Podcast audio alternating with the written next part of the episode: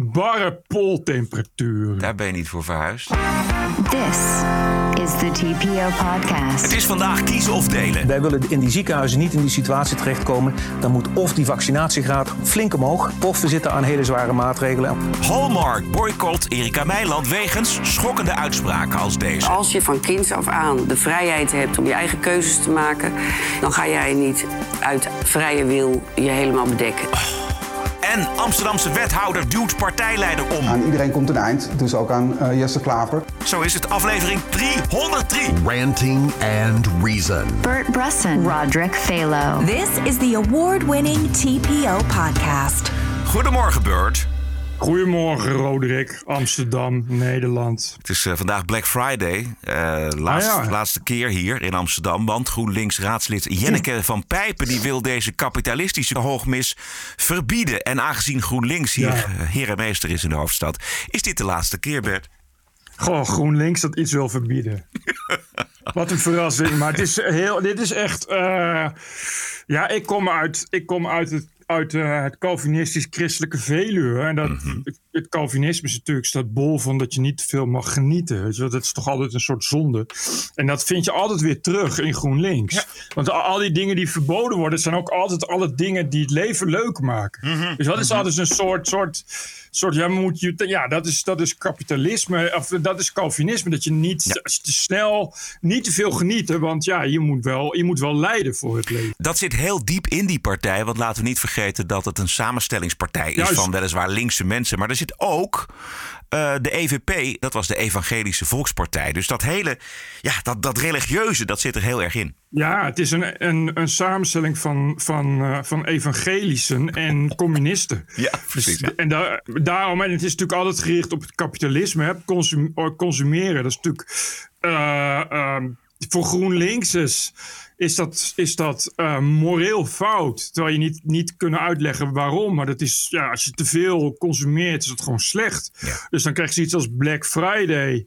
En ik geloof dat nu de argumentatie is dat dat zielig is voor andere mensen of zoiets. Ja, de argumentatie is als volgt. Er zijn ook mensen die naar Black Friday uitkijken... omdat ze dan eindelijk wel datgene kunnen kopen wat ze nodig hebben. Ik snak ernaar dat dat niet meer nodig is, schrijft Van Pijpen.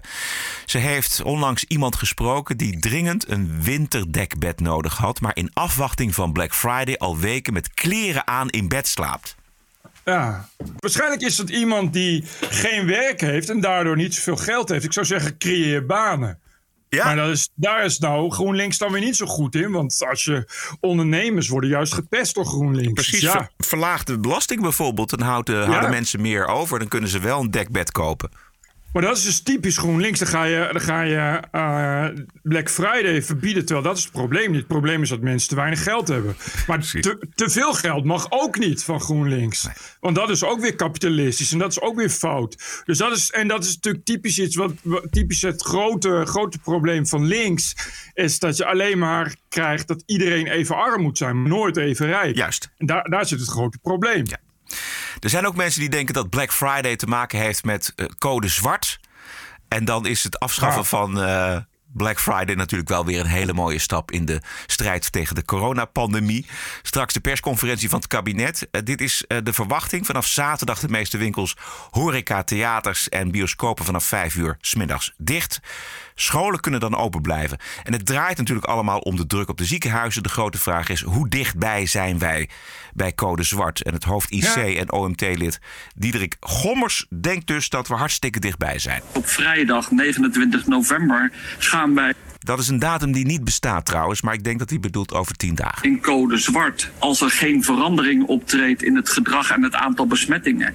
Ja, en wat er dan gebeurt in je ziekenhuis en waar wij ons personeel aan gaan blootstellen, dat ze dan keuzes moeten maken, dat hebben wij nog nooit geleerd. Daar hebben we ook nooit mee te maken gehad. Het zijn verschrikkelijke doemscenario's. Maar tien dagen vind ik eigenlijk, nou, is best dichtbij. Ja, dat is best dichtbij. Als het gedrag niet verandert, dat zegt hij erbij. En dat is natuurlijk niet de sterkste eigenschap van Nederlanders. Dit is OMT-lid nee. Mark Bonte afgelopen dinsdag bij Nieuwsuur. We zaten op een R-waarde van 1,2. Daar zitten we nog ongeveer nog steeds op. Dus als die basismaatregelen allemaal heel goed uitgevoerd zouden worden, mm. met z'n allen, dan was er een redelijke verwachting dat het getal naar de 1 zou gaan of daaronder zou komen. En dat is wat je wil bereiken met infectiepreventie. Mm. We zijn inmiddels uh, alweer bijna een week verder. Nou, een halve week. En, en we zien nog steeds geen kentering. En we zien ook in de getallen die ik gezien heb van de gedragsunit over mobiliteit ook nog niet heel veel veranderen. Nee. Dus dan verwacht ik niet dat er vrijdag weer heel veel veranderd is. Nee. En dat is vandaag. Nee, ik verwacht ook niet dat er heel veel gaat veranderen. Wat Uh, in gedrag of in, in de maatregelen in van het kabinet? Nee, nee, nee. Nee, ja, die maatregelen die, die gaan lekker zinnig zijn. Want niemand heeft nog vertrouwen in het kabinet. Wat is echt uh, 0% zo'n beetje. Dus wie gaat zich nu nog, nu nog die maatregelen naleven? Het was al erg. We hadden al een grote groep kleuters. Ik las in de Telegraaf een steengoede column van uh, een RVLO. Die dat ook zei, ja, Nederland is een land van kleuters. Maar, maar er is niemand die... Ja, dat kabinet zwalkt nu al zo lang dat het zichzelf volledig onmogelijk en onbetrouwbaar heeft gemaakt in coronamaatregelen. Dus het enige wat nu nog kan is een snoeiharde lockdown. Dat er ook echt met scherp moet worden geschoten buiten komt en dat soort dingen. Ja. Anders zie ik het heel somber in. Bovendien vind ik het opvallend dat telkens als zo'n beetje iedereen die er verstand van heeft en in die ziekenhuizen werkt, zegt nou dat code zwart, het staat om de hoek. En dan komt de hele tijd komt, uh, Hugo de Jonge die toch veel van veel dingen verstand heeft, maar niet van ziekenzorg. Die zegt, nee hoor, dat is toch lang niet aan de hand. Daar geloof ik helemaal geen fuck van. Ik denk dat het code zwart gewoon wel om de hoek staat. Dat denk ik ook. Ik denk wel dat het verschil is dat Hugo de Jonge denkt... Het gedrag verandert wel. Dat is steeds de hoop die je ziet in het kabinet, ook bij een Rutte. Ach, ze zijn daar heel erg op gericht dat ze hopen dat het gedrag verandert. Maar de conclusie is inmiddels na twee jaar dat dat gedrag heel moeilijk te veranderen is. Nee, dat, dat, zou, dat weet je nu toch wel, na al die tijd, ja. dat, dat, niet, dat dat niet gebeurt. We ja. hebben al vanaf de allereerste begin, vanaf de allereerste lockdown, uh, bleek het al problematisch te zijn. Ja. Ga niet naar buiten met z'n allen, ga niet dicht bij elkaar. De eerste wat mensen met z'n allen naar het park. Uh, uh, nog meer mensen in het Vondelpark dan dat het park aan kan. Weet je wel, dat. Ja. ja. Als niemand wil bewegen, dan gaat het fout. Dus er moet iets gebeuren. Er moet vanmiddag echt knopen worden gehakt. Nog één keer Mark Bonte. Kijk, als we zeggen van... wij willen in die ziekenhuizen niet in die situatie terechtkomen... dan moet of die vaccinatiegraad flink omhoog... Of we zitten aan hele zware maatregelen. En waarschijnlijk heb je sowieso eerst die maatregelen nodig. En heb je dan de tijd om die vaccinatiegraad echt ferm omhoog te krijgen. Als we zeggen de maatregelen zijn onbespreekbaar. Dan moet of die vaccinatiegraad snel heel erg omhoog. En tot die tijd moeten die ziekenhuizen zien te overleven. En als je zegt. Ik kan, we, gaan, we kunnen die vaccinatiegraad kunnen we het verder niet over hebben. Dan rest slechts één ding. En dat is de maatregelen, denk ik, heel scherp aanscherpen om de ziekenhuizen zeg maar, overeind te houden. En het probleem dan is, dan gaan we waarschijnlijk heel effectieve maatregelen krijgen. Laten we daarvan uitgaan. Dan bouwen we ook geen verdere immuniteit op in de mensen. En dan betekent het dat we waarschijnlijk die maatregelen moeten aanhouden tot het voorjaar ons uit die crisis gaat halen. Dus het, de politiek, het kabinet en de Tweede Kamer, die moeten nu echt keuzes gaan maken.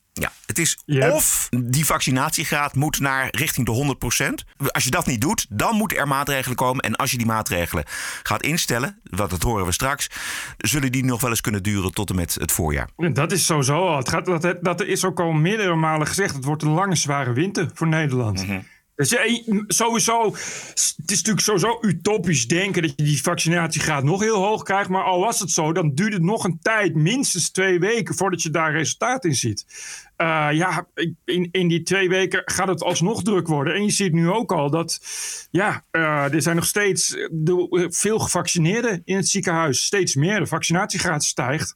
En dat zijn, dat zijn er nog steeds heel veel. Ik zie dat sowieso somber in. Zelfs als je een vaccinatieplicht invoert, wat er bijna een onmogelijkheid is, dan nog, dat betekent nog steeds niet dat je dus inderdaad met het leger van deur tot deur gaat om spuiten te zetten. Dus nee. je, je houdt je houdt dat dat, dat dat te veel is. Te veel aan ongevaccineerden en gevaccineerden. En we zijn veel te laat met de boosters. Dat zijn al drie groepen die voor, voor stapeling gaan zorgen. Mm -hmm. Dus het gaat sowieso druk worden. En dat betekent dat we inderdaad een hele lange, zware winter tegemoet gaan. Met heel veel maatregelen. In de Telegraaf zag ik een, een, een interview met iemand die niet gevaccineerd was, maar wel op de IC lag. En die vertelde, die bleef erbij van ja, ik, ik vertrouw het, het vaccin nog steeds niet. En eh, ik vind het prima dat ik hier op het IC lig, maar Ja, dat, dat is het dan maar, weet je wel. Die, eh, en dat krijg je Nou, er niet meer in, gewoon bij die mensen. Nee, dit, dit is, dit is een, eh, dat is dus natuurlijk het punt. Als je al zo'n hoog vaccinatiegraad hebt, en al heel lang, dat hebben we al heel lang, dan kun je natuurlijk op je vingers uittellen dat het niet veel hoger gaat worden.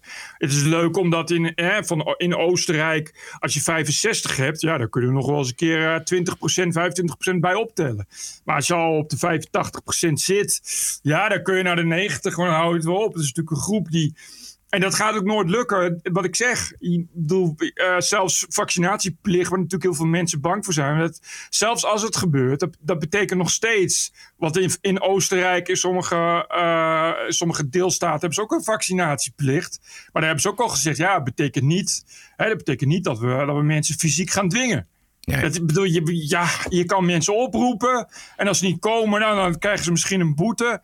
Ja, je kan niet, niet mensen eh, eh, eh, uit hun huizen Nee. trekken en afvoeren en, en verplichten Nee, dat- een prik geven. Nee, Ja, nee, het alternatief zou dan nog wel zijn om inderdaad met spuitbussen de, de wijken in te gaan en mensen dan te, te proberen overhalen om alsnog een prik te zetten. Ik zag dat het in, in Engeland blijkt nu dat waarschijnlijk het zo is dat ze precies de goede periode tussen de tweede prik en de booster hebben genomen. Mhm. En tussen de eerste en de tweede prik. En dat is dan ook weer, zijn daar heel veel bejaarden in eerste instantie met AstraZeneca geprikt. Mhm. waarvan, we nu, waarvan we nu zeggen die gebruiken we niet meer. Maar nu blijkt dan weer dat juist dan weer AstraZeneca, als je dat Langer. op de goede, de goede manier, dus op de goede periodes tussen de prikken eh, en op, de, op het juiste moment boosten, dat het dan wel weer als meeste beschermt. ja. Dus die, die. Britten, Britten zitten geramd. Ik las het ook. eh, wat de Britten dus goed gedaan hebben, vooral is inderdaad op tijd prikken en op tijd met de boosters beginnen.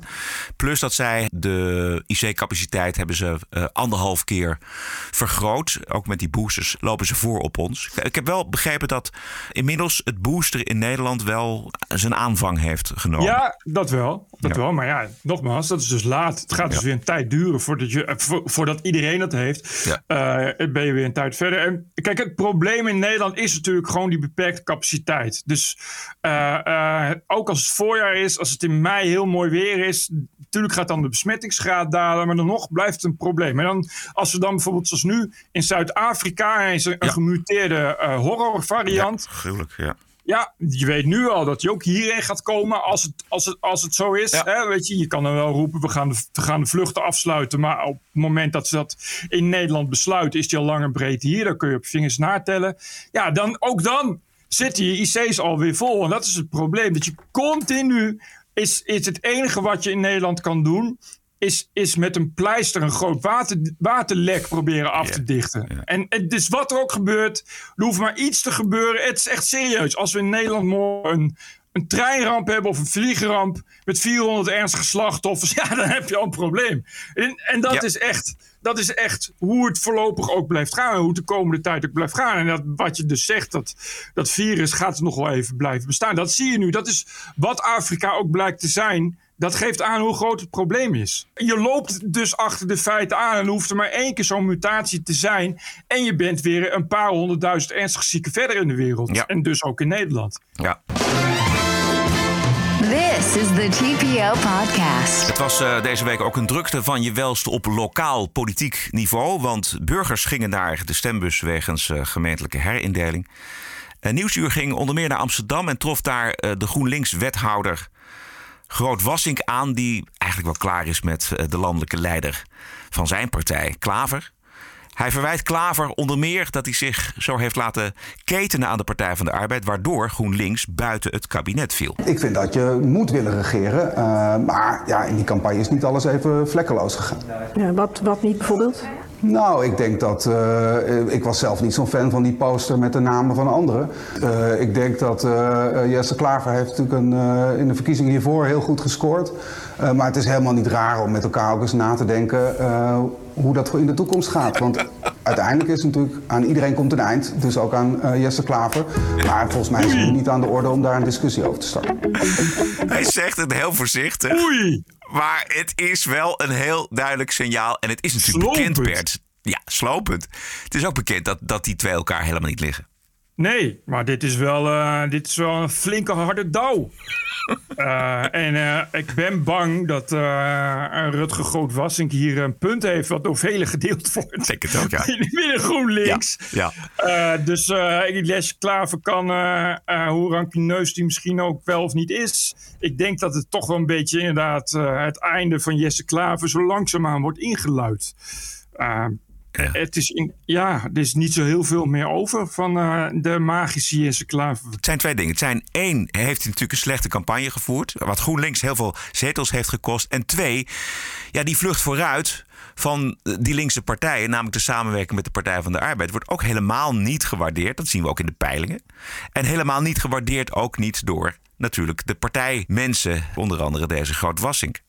Als het slecht gaat met de partij, levert dat altijd gezeik op binnen die partij. Behalve dan bij Ja. eh, Forum voor Democratie. Want Baudet gaat, die heeft gewoon alle diversiteit in zijn partij eruit geflikkerd. En eh, zijn willenswet. Die heeft alle oppositie sowieso gezuiverd. Dus die Ja. hoeft nergens, eh, nergens voor te vrezen. Deze gemeenteraadsverkiezingen waren van, die, van die fusiegemeentes, Ja. van die her- herindelings. De opkomst was bedroevend, iets van 30% Dus de meeste mensen zijn überhaupt niet meer geïnteresseerd in gemeenteraadspolitiek. En de uitslag was vooral veel lokaal, CDA en FVD voor zo'n beetje, als ik het even kort samen mag vatten. Eh, dus wat je gaat krijgen in de gemeenteraadsverkiezingen, de eerstvolgende, is dat FVD wel weer wat puntjes gaat scoren. En eh, voor FVD landelijk kan die daar heel goed propaganda mee maken. Terwijl GroenLinks, als ze niet genoeg scoren, gaat dat heel veel pijn doen. Forum voor Democratie, wat ik ervan begrijp, is bijvoorbeeld dat ze in Purmerend in 2019 waren ze nog de grootste partij. En deze week Zeker. kwam FVD niet verder dan ja, twee, twee zetels. Zeker. Het was allemaal Maar mager was het. Ja, maar het punt is dat als je kijkt naar, de, naar alle andere eh, partijen, die hebben ook allemaal drie zetels. Eh, en dan is er dan eh, eh, één partij die, die scoort groter. Dus dan kan Baudet zeggen: zie je, ik scoor gewoon overal heel goed. En vooral in, in, in nieuwe gemeentes, waar die, waar die nog nooit was, is dan inderdaad ook één of twee zetels. Kun je zeggen dat is weinig. Maar hij zegt dan van ja, maar ik, ben, ik kom gewoon nu landelijk ook op. Wat natuurlijk wel weer goed gegaan is voor FVD is de campagne. Hoewel het vast eh, minder druk eh, was dan eh, in vroeger tijden. Maar die complotkaravaan, daar is hij wel weer het hele land mee doorgegaan. En afgelopen dinsdag eh, hoorden we dit. Luister naar een of andere klojo in een witte jas. Wij doen het niet. Wij zijn sterker dan dat en wij zijn beter dan dat. En dat is waar Forum voor Democratie over gaat. En ze demoniseren ons en mij. En ze zeggen dat ze onze partij gaan verbieden. En we ze- zeggen dat wij extremisten zijn. Weet je wat het is? Zij zijn extremisten. Zij zijn de, zij zijn de mensen die onze samenleving iets extreems aandoen. Iets belachelijks aandoen. Die ons met de meest krankzinnige maatregelen confronteren. En die maar denken dat wij gek zijn. Dat wij dat maar allemaal accepteren. Dat wij zomaar die idioten in die witte jassen een beetje gaan volgen. Ja, dit is het bekende recept. Ja. Dus wij weten dat we beter zijn. Ja. En daarom brengen ze ons in diskrediet. Ja. En gaan ze ons verbieden. En iedere arts is een gek Ja. in een witte jas. Ik, ik had dat laatst ook. Ik had pijn aan mijn arm. Dus ik ging naar de dokter. En de dokter in een witte jas zei: Ik zie toch gebroken arm. Ik zeg: Ja, ja. hey. Klojo! Klojo! In je witte jas. Denk je dat ik dat accepteer? Dus, eh, en die dokter zei: Nee, het is echt waar. Kijk maar een foto. En hij zag ook een, een gebroken bot. Ja, nee, dit, dat is manipulatie. Het is allemaal mainstream media. Dat is gefotoshopt. Je denkt toch niet dat ik, me, dat, ik me, dat ik zes weken in het gips ga lopen. omdat een of andere idioot een of andere extremist die zogenaamd gestudeerd heeft, dat zegt: Ik heb zelf onderzoek gedaan op Facebook. En daar staat dat het helemaal geen gebroken arm is. Dat er gewoon niks aan de hand is. Dus eh, ik heb nu nog steeds heel veel pijn in mijn arm. Maar ik heb goede hoop dat het morgen weg is. Klojo's. Extra een beetje mensen in witte jassen vertrouwen. Belachelijk. Ik hoop ook, als ik een auto-ongeluk krijg, dat ze me naar de IC brengen, dat ik dan toch nog mans genoeg ben om te zeggen: ho, ho, ho, ho, ho, dit wil ik niet. Ik ga niet op een of ander bedje liggen met allemaal mensen met witte jassen die denken dat ze mijn leven kan redden. Gooi mij maar buiten op de stoep neer. Eh, ik vertrouw op mijn immuunsysteem. Ik heb altijd gezond geleid. Een beetje vitamine, vitamine D en zink erbij. Hoppakee. Klojo! Extremisten! Hondenlullen! Je zou toch denken dat eh, die aanhang van hem toch ook wel eens te maken krijgt met het ziekenhuis en met een huisarts en zo. Nee, dat is ook zo. Je hebt nu eh, in het ziekenhuis ligt eh een Marco. Marco is eh, zo'n eh, zo'n eh, geradicaliseerde vrijheidsstrijder. Die is dus in Rotterdam. eh, heeft een ko- politiekogel in zijn maag gekregen. Dus die ligt nu al een tijdje eh, op die IC. En dan denk, ik- dacht ik ook van ja, dat is nou ineens wel de IC goed. Dus eh, de, tegen dat systeem waar jij dan tegen strijdt.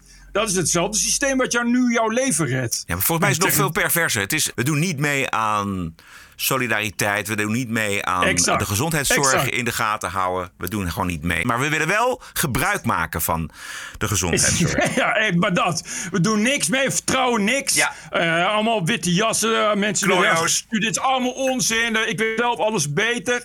Behalve als ik word neergeschoten. Dan wil ik graag dat, dat doktoren mijn leven redden. En dat ik op de IC heel veel medicijnen van Big Pharma krijg toegediend. Ja, Big Pharma, Dan wel. We gaan naar de Wokweek toe.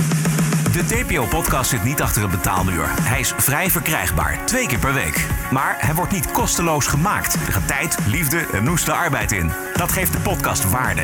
Hoeveel waarde? Dat bepaal jij. Een biertje in de kroeg kost je zeker 3 euro. Een tosti daar 5 euro. Een maandje Netflix is al 14 euro. Wat is de TPO-podcast je waard? Ga naar tpopodcast.nl en doneer. Keep the show running. Want wat geen waarde heeft, is geen blijvertje. Dus ga naar tpopodcast.nl en doneer. Thank you. I was offended and I have rights. TPO Podcast. You're an adult. Grow up. Deal with it. I don't care. care. De berichten uit de open inrichting, mensen, bedrijven, instanties die zich een slag in de ronde deugen. De firma Hallmark, die eerder nog dacht lekker mee te kunnen liften op het succes van de Meilandjes, die heeft de kaarten eh, van Erika Meiland offline gehaald en verbrand, denk ik. Angst voor de wookmop en de islam natuurlijk. Kort uitgelegd eh, schrijft Erika in haar boek dat hoofddoekjes bij meisjes van 8 tot 9 jaar opgelegd zijn. En dat zij voor het boerka-verbod is. Iets wat de meerderheid van de Tweede Kamer al een tijdje in een wet heeft gegoten. De ophef ontstond niet door het boek, maar door haar uitleg bij Jinek. Ik vind het zo jammer voor die vrouwen. En dan zeggen ze wel, ja, maar ik wil- kies er zelf voor. Ik wil het zelf eh, wil ik dat doen. Maar dat, ik geloof dat niet. Want als je namelijk van kinds af aan de vrijheid hebt om je eigen keuzes te maken... en je te kleden zoals je wilt en je respect krijgt... en gelijk bent aan je broertje en je groeit zo op... dan ga jij niet uit vrije wil je helemaal bedekken. Dat doe je niet. Dat, dat geloof ik echt niet.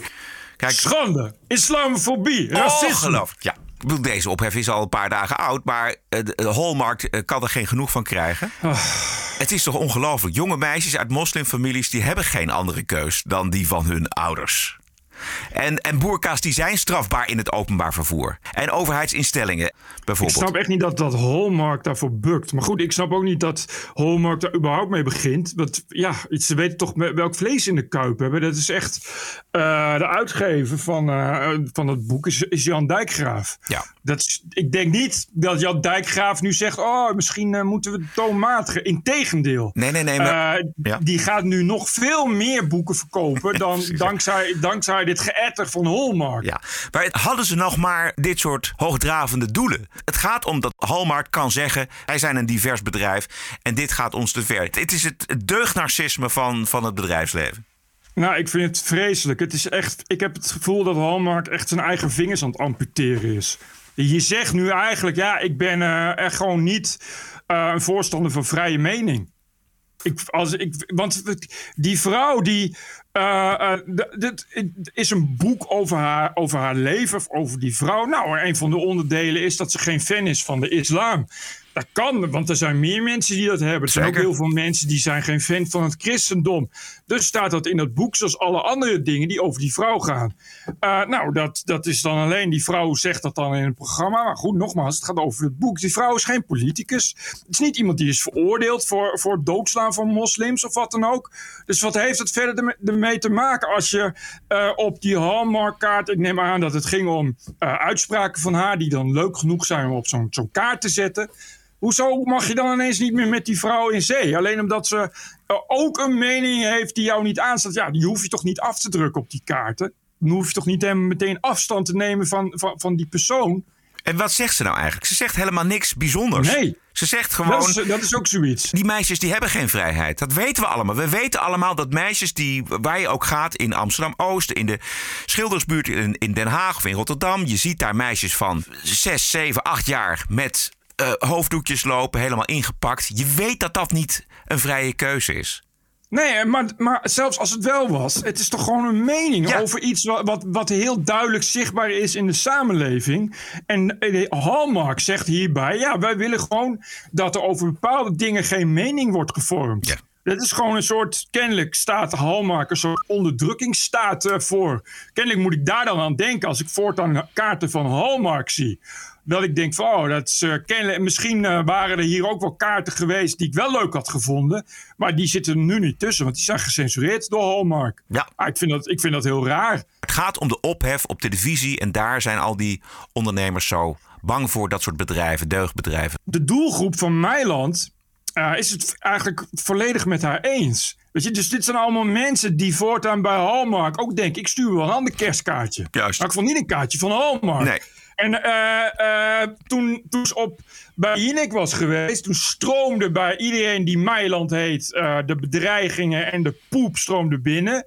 Maar een dag later zat Jan Dijkgraaf samen met deze Erika in een boekhandel. En die twitterde een foto en er stond gewoon een rij ja. van een kilometer buiten tot buiten de boekhandel. Precies. En dat is mede dankzij haar optreden eh, in dat televisieprogramma. Ja. Dus het zou wel eens kunnen dat dat heel erg averechts gaat werken bij deze bedrijven. En het is natuurlijk een heel klein groepje weer die die ophef veroorzaakt. En waar Hallmark in dit geval weer uh, uiterst gevoelig voor is. Weet je? Het zijn, misschien is het een groepje van 100 twitteraars.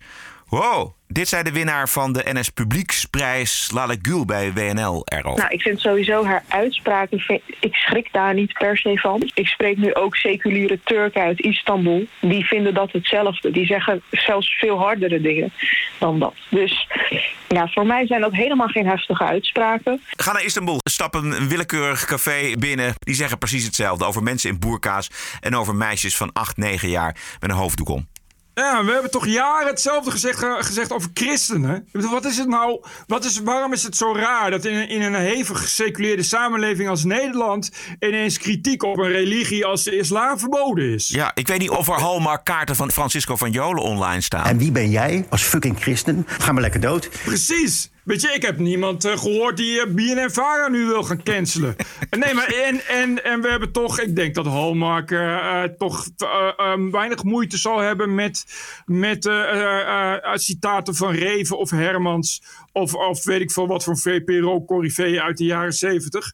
het christendom is toch ook gesloopt? Ik bedoel, we leven toch in een seculiere samenleving... en dan is het toch heel goed om kritiek te hebben op alle religieuze uitingen... Ja. En zelfs als je dat niet goed vindt, dan kun je dat toch nog wel uh, ondersteunen, omdat je nou eenmaal in een seculiere samenleving uh, leeft. Bovendien zou je nog ook nog kunnen zeggen: nou ja, goed, wij hebben die uitspraken van die Meiland. Uh, we nemen ook uitspraken van uh, Tuna Kuzu. Opzetten we op kaarten, I don't know, of, of van, van de profeet in het Arabisch. Weet je, maak er iets van. Maar ik, ik begrijp gewoon niet waarom je daar dan als bedrijf daar zo, op zo'n rare manier partij voor kiest. Zijn ze, zijn ze geïslamiseerd of zo? Of hoe, hoe moet ik dat zien? Ik denk dat uh, bedrijven en het bedrijfsleven die willen altijd ver weg blijven bij ophef. Dat is slecht voor het imago. Uh, en, en zeker dit soort ophef, daar willen ze dan verder niks mee te maken. Dus dan, uh, dan cancelen ze gewoon alle kaartjes van Meiland in dit geval. Ik weet niet of je dat ook nog zo in de Wookweek hebt, maar, maar dat bijvoorbeeld Dave Chappelle is genomineerd voor ja. een Emmy, geloof ik. Hè? Of een ja. Grammy, wat is het? Een hoog, en ook samen met nog een, nog een Kevin Hart, geloof ik. Lucy C.K. Ja, oh nou, Louis C.K. die ja. toch uh, uh, onder vuur lag.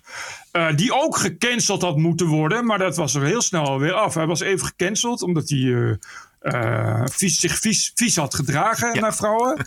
Uh, en toen is hij inderdaad even gecanceld. Maar hij had al heel snel, oh, fuck it. Ik ga gewoon verder. Want ik laat me niet cancelen. En hoppakee, hier is die weer.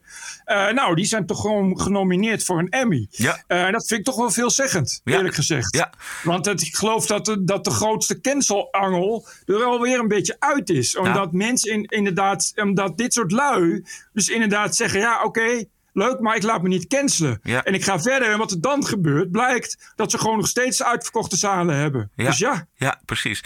Louis C.K. voor de Best Comedy Album en Chappelle voor de Best Spoken Word Album. Dat is een belangrijke nieuwe categorie, Bert. Spoken Word Album. ja maar goed. Hebben we in Nederland, krijgen we in Nederland ook. Dat is inderdaad een goede ontwikkeling. Maar ja, of het nou eh, breed gedragen door, wordt, weet ik niet. Het grappige is wel dat dit voor de wokies eh, inmiddels wel weer het bewijs is dat er eh, helemaal geen cancel culture bestaat. Eh, Exact. Dat cancel culture een verzinsel is van Fox News. Oh ja, ja nee, Weet je, precies. kijk maar, kijk ja, maar naar CK en kijk maar naar Ja. Dave Chappelle. Maar kijk, eh, wa- wat ik zie gebeuren in de toekomst is dat eh, eh, bedrijven op die manier gaan concurreren. Je ziet dat, je hebt dat gezien aan Trump. Hè, iemand die zegt van hoe meer ophef, hoe beter. Baudet doet het ook. Ik leef van ophef. Die, die juist zeggen nee, ophef is prima. En wat je gaat krijgen volgens mij is, is een concurrent, bijvoorbeeld van een Hallmark, die dan zegt: Oké, weet je wat wij doen? Wij gaan juist eh Meiland eh, uitspraken die nog veel verder over scheef gaan, gaan we op kaarten afdrukken. En ik denk dat dat wel een beetje de toekomst gaat worden. Want lang niet alle bedrijven eh, eh, zijn zo. En, en eh, heel veel bedrijven, denk ik, gaan daar ook wel, zeker in Amerika, in zien dat er natuurlijk een heel groot, grote doelgroep, een heel groot electoraat is, wat zich daar juist wel mee kan vinden. Ja, dat kantelmoment, dat zou mooi zijn als we dat Maar- beleven. En dat is het risico wat, dit, wat al dit soort bedrijven nu nemen. Je kapselt jezelf wel helemaal in. Je graaft jezelf helemaal in, in een, in een soort in een soort deugbunker. En daardoor loop je het risico dat je niet meer vrij bent om, om nog competitie aan te gaan. Het, is, het is natuurlijk wel, en dat is natuurlijk sowieso het probleem van woke en van deugen, dat je daar, eh, ja, je moet daar heel arrogant voor zijn. Je moet er heel megalomaan voor zijn. Het idee hebben dat, je, dat jij de volledige moraal in pacht hebt. En dat kan zomaar, elk moment zomaar weer ineens anders zijn. En dan heb je een probleem. De Nederlandse wetenschapssite Science Guide rapporteert altijd braaf uit de open inrichting, moet ik zeggen. Woensdag. Ehm, als de universiteit wil dekoloniseren, moet er ook een eind komen aan kennisimperialisme. Waarom halen we alleen de best betalende Chinese en Indiaanse studenten hier naartoe? Zegt Ruduard Ganzenvoort, Chief Diversity Officer bij de Vrije Universiteit. Oh, wat leuk. Oftewel, haal ook maar de slechtst betalende Chinese en Indiaanse studenten hierheen. Wel ja. Sterker, haal alle arme sloebers uit de hele wereld hierheen. Maak ruimte voor hen op de universiteiten en betaal gewoon alles. Want alleen... Alle, alle talentvolle blanken gooien we eraf. Ja. En eh, we gaan op zoek naar juist de meest, meest kansloze en meest armoedige buitenlanders. Heel, heel goed, goed beleid. Ja, want alleen dan raken wij verlost van onze koloniale zonden. Ja, eh, dit is maar goed de Vrije Universiteit en Chief Diversity Officer van de, van de VU. De VU is echt een hoofddoekjesuniversiteit. Eh is ook een, eh, natuurlijk een, een dichtgetikt gereformeerde universiteit van huis uit. Wat in tegenspraak met elkaar lijkt, maar dat heeft dus te maken, dat, daar staat ook het woord vrij voor, dat ze vinden dat religie een belangrijk onderdeel is van identiteit. En dat je dat moet kunnen handhaven. Vandaar het feit dat ze zo pro-islam zijn. Dus een Chief Diversity Officer aan de VU, die moet natuurlijk wel even over de, over de eh, UvA heen gaan. Ja, precies. Bij, de- bij deze. Bij deze. Ja. Het was een verslag van een bijeenkomst over dit onderwerp in Pakhuis de Zwijger eh, in Amsterdam. Oh, en dat is een bekende plek voor eh, Juist. links en woke, zullen we maar zeggen. Eh, er werd ook nog gezegd, dekolonisatie moet terugkomen in het hele onderwijs. Dat is, was een soort van akkoord was er getekend. Want hoe relevant zijn Grieks en Latijn nog op het gymnasium? Vraagteken. Wel ja. Waarom kun je daar niet met Surinaams je diploma halen? Wel ja. Verschillende bestuurders, docenten, onderzoekers, actievoerders en beleidsmedewerkers gingen in Pakhuis te Zwijgen met elkaar in gesprek over uitdagingen rondom dekolonisatie en diversiteit. En zo zie je dus hoe dat dus werkt. Dus iemand roept. Wij denken dan bij dekolonisatie vaak aan geschiedenisonderwijs of burgerschapsonderwijs. Maar ook in de wiskunde, in de exacte vakken valt nog genoeg te wiskunde. En dus voordat je het weet, heb je dus in Pakhuis de Zwijger, een debatcentrum in Amsterdam, een serieus gesprek en een akkoord wordt er gesloten over dekolonisatie en diversiteit. Dat geloof je Dit toch niet? Ja. Dit is hoe het gaat. Ja. Eh, en het komt dan later komt het weer bij Jinek of op één. Ja. En dan eh, is het ineens voor je met je ogen gaan knipperen, wordt het alweer, eh, wordt het alweer beleid. Zo gaat dat. Zo ging dat met Zwarte Piet ook. Dus dat zal eh, hier ook wel mee gaan. Ja. Jopie Noren, hij is bestuursvoorzitter van de HVA eh, op die bijeenkomst. Hij zegt: Ik zie de zoektocht.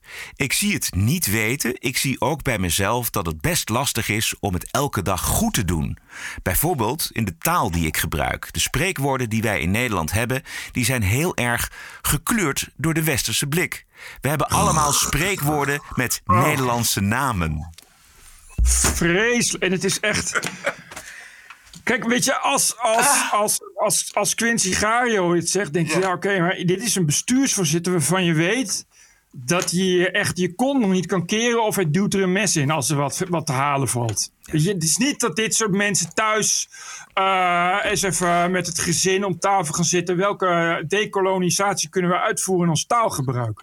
Dit is iemand die volkomen berekenend heel nuchter denkt: hé, hey, hier zie ik mijn kans schoon om nog eens even een PR-offensiefje even, even lekker te deugen. Ja, het is verschrikkelijk opportunisme. Echt vreselijk. Dit soort managers zijn echt de gruwel waar dus het onderwijs aan kapot gaat. Daarbij is dat religieuze weer. Hè? Wat hebben we al een keer geconstateerd natuurlijk dat woke gewoon een religie is. Maar hij zegt dus ook, ik zie het bij mezelf dat het best lastig is om het elke dag goed te doen. Hou op. Echt, hou op. Het laatste wat deze mensen willen is elke dag goed doen. Het enige wat deze mensen willen is elke dag iets meer salaris. En elke dag iets meer hun carrière veiligstellen. En elke dag iets meer hun toekomst veiligstellen. En elke dag eh, iets meer belasting ontduiken. En elke dag iets meer dromen van hun pensioen op eh, Bonaire in hun, in, in hun Maserati. Weet je, dat is wat deze mensen willen. Dat is ook het enige wat deze mensen willen. Goed doen is echt totaal niet aan deze mensen besteed. Dat is ongeveer het laatste wat, wat, wat in ze opkomt als ze ochtends opstaan. Dus hou op. Een van de grootste Amerikanen ooit, de derde president van het land, ontwerper van de Amerikaanse onafhankelijkheidsverklaring, Thomas Jefferson, is Moet verwijderd. kapot? Ja, moet Oh. kapot. Hij is verwijderd uit het stadhuis van New York. Het standbeeld weegt 440 kilo en stond er 200 jaar. Maar hij, hij had ook slaven. Sowieso Thomas Jefferson, hè? hoe groot kan iemand zijn? Ook maar, eh, ook maar, ook maar iemand die, die eh, nauwelijks iets betekend heeft voor de vrije wereld en de verlichting en de democratie. Zo zou je daar een standbeeld van willen, uitgerekend in Amerika. Ja. En de simpelheid en de domheid is onvoorstelbaar. Want de officiële reden is: het beeld moet weg omdat het niet de moderne waarde vertegenwoordigt. Ik, hoe, hoe vertegenwoordigt een beeld van, van eh, zo'n beetje de stichter van, van de vrije wereld eh, niet de moderne waarde? Nou ja, omdat hij slaven had. Ja, wat heeft dat met zijn beeld, met zijn standbeeld te maken? Omdat hij slaven had. Straks krijg je dat alle standbeelden ook weg moeten van mannen die een druiper hadden. Dat iemand zegt, I Amsterdam, dat moet weg, want het is niet collectief genoeg. Ja. Veel te individueel en hop, is het voetzie. En hier ook, is dat iemand zegt, nee ja, Thomas Jefferson, het is allemaal leuk en aardig wat hij heeft gedaan. En waardoor ik nu in vrijheid kan leven. En misschien eigenlijk ook wel waardoor, waardoor ik nu eh, als nazaat van slaven zoveel invloed heb en zoveel mogelijkheden. Het is allemaal leuk en aardig, maar ja, hij hield slaven. Want het was in die tijd gewoon. Dus daar kun je nu niks meer aan doen. Laten we hem weghalen. Hop, Ja. Ja. Ze hebben daar kennelijk ook GroenLinks in. New York. Ja, en daarmee eh, eh, gooi je dus alles van Thomas Jefferson weg. Alles. Ja, dat moet nu. Dat zal. Ik neem aan dat als het onderwijs wordt gedecoloniseerd, dat dat dan ook geen, niet meer over Thomas Jefferson gaat. Nee. In het noorden van Engeland heb je een plaatsje dat heet Teesside. En eh, het lokale suffertje schrijft het volgende. Een vrouw uit Teesside wordt beschuldigd van het in het openbaar laten zien van haar penis en openlijke masturbatie. Dat zou wel een man zijn als ze een penis heeft. Dat is echt vrouw. Een vrouw Wat uit. Teesside. Nou, dat is dan een, eh, een, eh, een fout afgedrukt. Dus een, een spelfout hebben ze gemaakt. Een tikfout. Het potloodventen kan tegenwoordig ook door vrouwen. Wat interessant inderdaad. Een vrouw Ik met een penis. Als, als ik het zou zien, zou ik zeggen: hé, hey, een man. Want een penis. Maar ik ben dan heel simpel en nuchter in dat soort dingen. Dat ik dan als ik bijvoorbeeld eh, eh, iets met drie gelijke zijden zie, dan denk ik, hé, hey, een driehoek. Dan denk ik niet, hé, hey, een cirkel. Of, oh, is dat nou een vierkant met Ja. vier zijden of een driehoek met drie zijden? Nee, ik denk, oh, een driehoek. Dus ik heb dat dan ook. Als ik een ding met takken en bladeren zie, denk ik, oh, een boom. Dus ik denk niet, is dat nou een auto of een vliegtuig? Buitengewoon treurig en eh, benauwend. Het wordt wel steeds erger. Ja. Had je nog meer? Ja, nou, ik heb nog één dingetje, maar ik heb alleen een, een bonuscode. Heb jij nog wat? Ja, ik weet niet of jij hebt, maar over 1492? Nee. Oh, nou, je hebt dus, eh, dit is zo'n zo'n zo'n eh, zo'n club van eh, de Women's March, weet je wel? Ja. Dus, dus die gekke vrouwen met pussyheads. Eh, en die hadden eh, aan al hun leden, ze hebben heel veel leden, ze hebben ook een Twitter-account met meer dan 600.000 volgers, al hun leden een e-mail gestuurd. eh, met daarin, ik geloof, weet ik veel, de dagelijkse, de dagelijkse gemiddelde donatie. En dat was 14,92 dollar.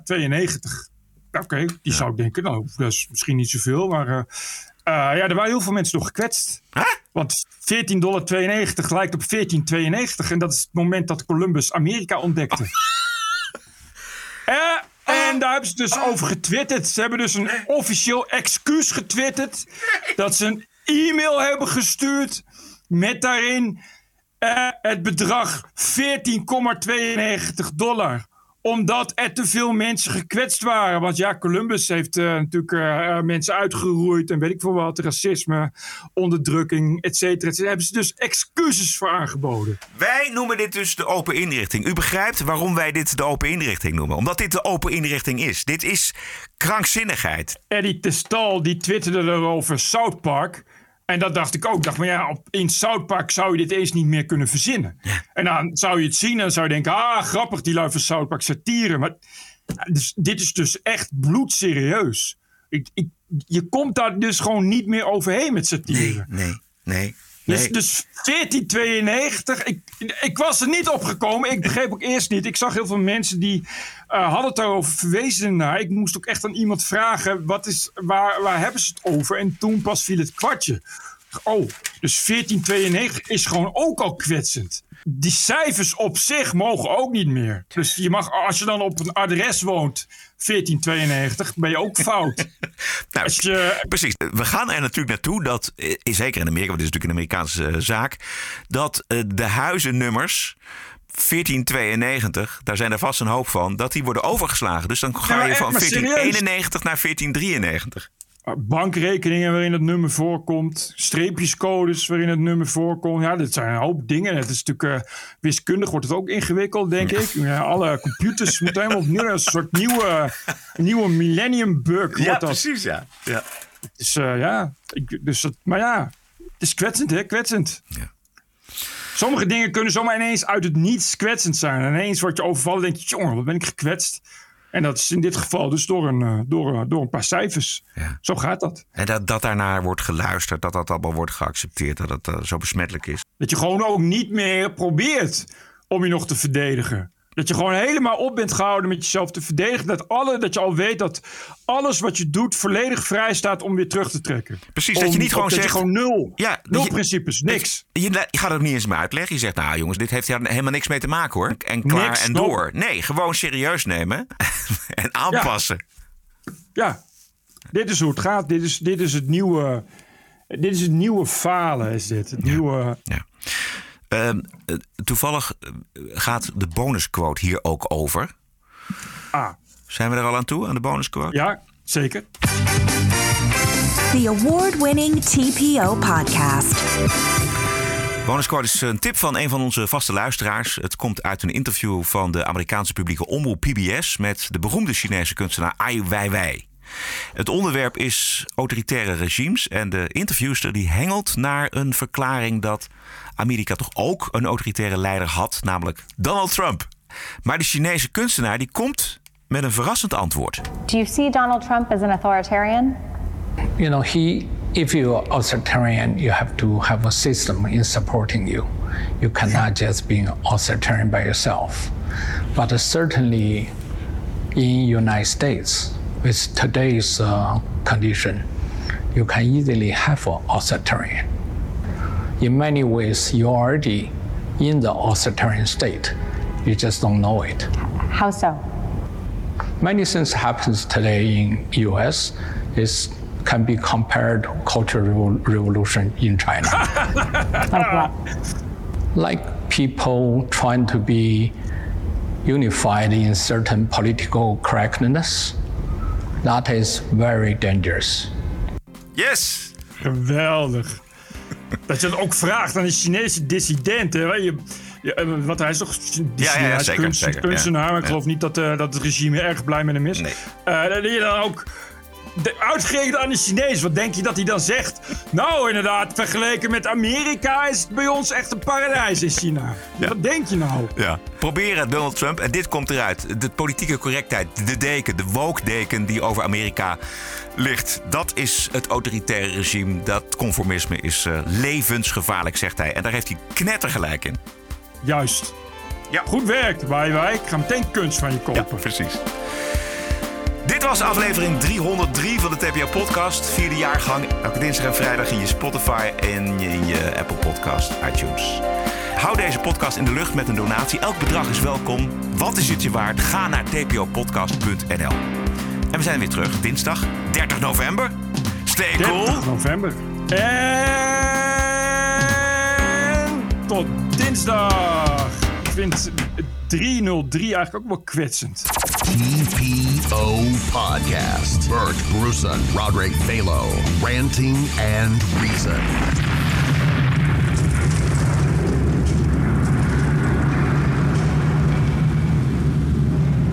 Did we land on the moon? Podcasting is the TPO podcast in the Netherlands. Bert and Roderick. What a show. I'm telling you. Keep the show running. Go to tpo.nl slash podcast. Thank you.